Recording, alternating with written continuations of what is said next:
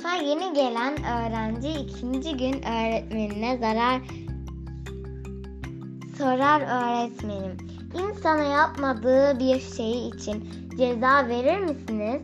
Öğretmeni olur mu öyle şey evladım? Neden insana yapmadığı bir şey için ceza vereyim deyince öğrenci iyi o zaman dün verdiğiniz ev ödevini yapmadım. Ben ben de ceza verirsiniz zannettim dedi.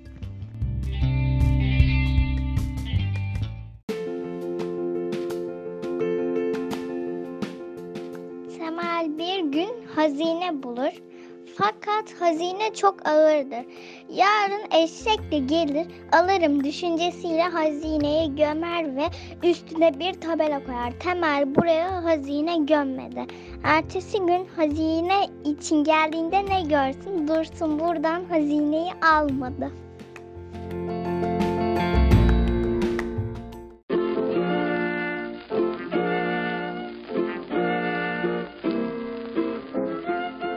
Nasrettin Hoca fıkrası. Hoca bir gece gürültüyle uyanmış. Bakmış bir hırsız eşyaları topluyor. Korkmuş ama hırsız takip etmiş. Hır, hırkı, hırsız durumu fark etmiş ve neden beni takip ediyorsun? Hoca sırtında taşıdığın eşyaların sahibi benim dedi.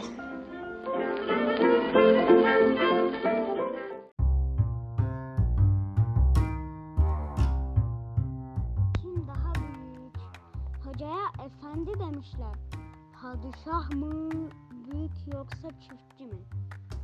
Çiftçi büyük elbet demiş hoca ve eklemiş. Çünkü çiftçi buğday yetiştirip vermese padişah padişah açlıktan ölür.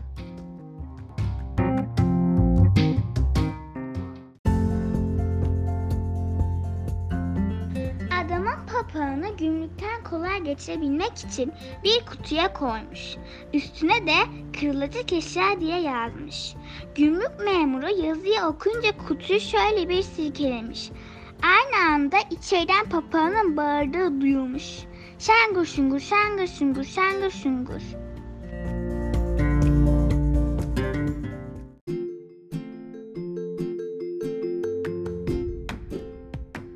Altın olsa ne, taş olsa ne? Bir yolculuk sırasında Nasrettin Hoca'nın yolu bir ile düşer.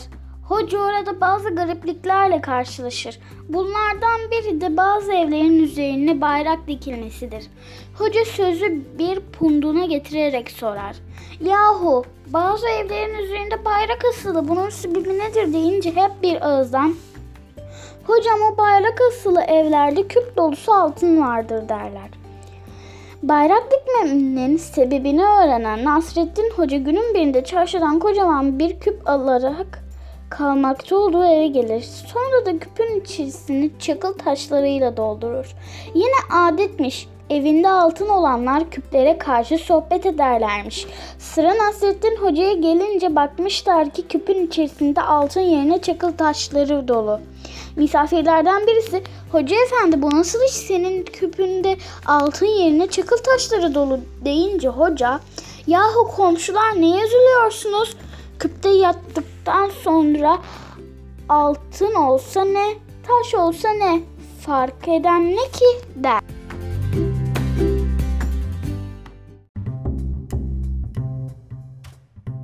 Deli Hastanesi Bir gün bir bilim adamı yılbaşı nedeniyle hastaneleri gezip akıllanan delileri salmaya karar vermiş.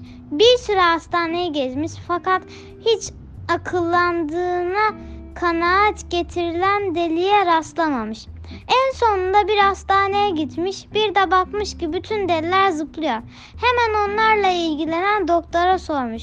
Bunlar neden böyle zıplıyorlar? Doktor, bunlar kendilerini mısır patlağı zannediyorlar demiş. Bir de bakmışlar ki ta- bir tanesi zıplamadan yatağın üzerinde sabit bir şekilde duruyormuş. Hemen ona yaklaşarak sormuş. Sen neden zıplamıyorsun? Deli, ben tavaya yapıştım demiş. Afa Afacan'dan ayran. Adam bir köy gezerken yorulmuş. Haydi susamıştı. Çaresiz evin kapısını çalar, karşısına bir çocuk çıkar. Adamcağız, evladım buralarda su bulamadım. Lütfen bana bir bardak su verir misin? Kapıyı açan çocuk adamın yüzüne bakarak istersen ayran getireyim der. Adam bu teklifi memnuniyetle kabul ettikten sonra çocuk bir çanak ayran getirir. Adam ayranı içtikten sonra istersen daha getireyim der. Zahmet olur yavrum za- bir zahmet.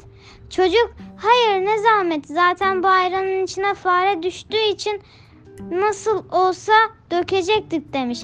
Bunun üzerine adam iğne, iğrenerek elindeki ayranın ayran çanağını hiddetle yere atıp parçalayınca çocuk feryadı kopartmış. Anne kapıdaki adam köpeğin çanağını kırdı.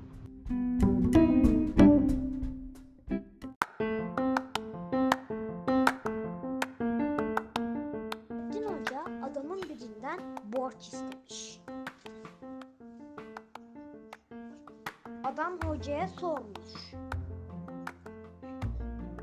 Borcunu ne zaman ödeyeceksin demiş. Hoca da başlamış anlatmaya.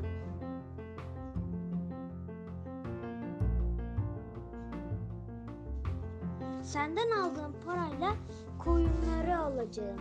Onlar, onlar da iplik dikeceğim.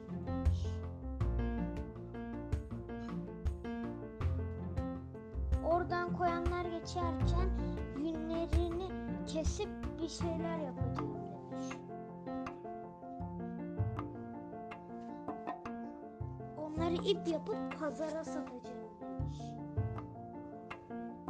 Böylelikle sana olan borcumu ödeyeceğim.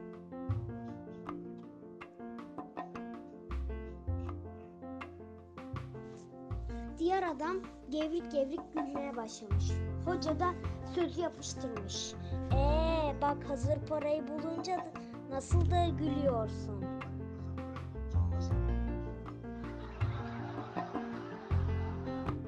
Demiş.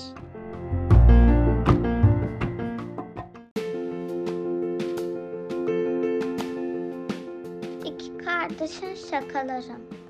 İki kardeş varmış. Birinin adı Yaşam, diğerinin adı Yeşim'miş. İkisi bir gün parka çıkmışlar. Salıncakta sallanırken Yaşam şaka yapıp salıncağından inip Yeşim'i sallayıp durdurmuş. Sonra salıncağına binmiş birden şu şekilde kekelemiş. Yeşim bebeğine sallar mısın diyor. Yeşim sallarım da sen neden kekeliyorsun? Birisi seni gizlice salladı sonra kaçtın mı? Yaşam Bi- bilmiyorum. Yeşim A a a a bebe ben de sesesi yaşam. Dur sonra söylersin. Şimdi beni salla. Yeşim. Aa sen artık kekelemiyorsun. Yaşam. Evet ne olmuş ki? Burada ben zaten hiçbir zaman kekelemedim. Ha bu arada sen de kekelemiyorsun. Yeşim. Evet de sen daha demin kekeliyordun. Sen bana şa yaşam. Dur daha sonra söylersin. Yeşim. Hep beni susturdun. Daha demin de susturdun. Şimdi de susturdun.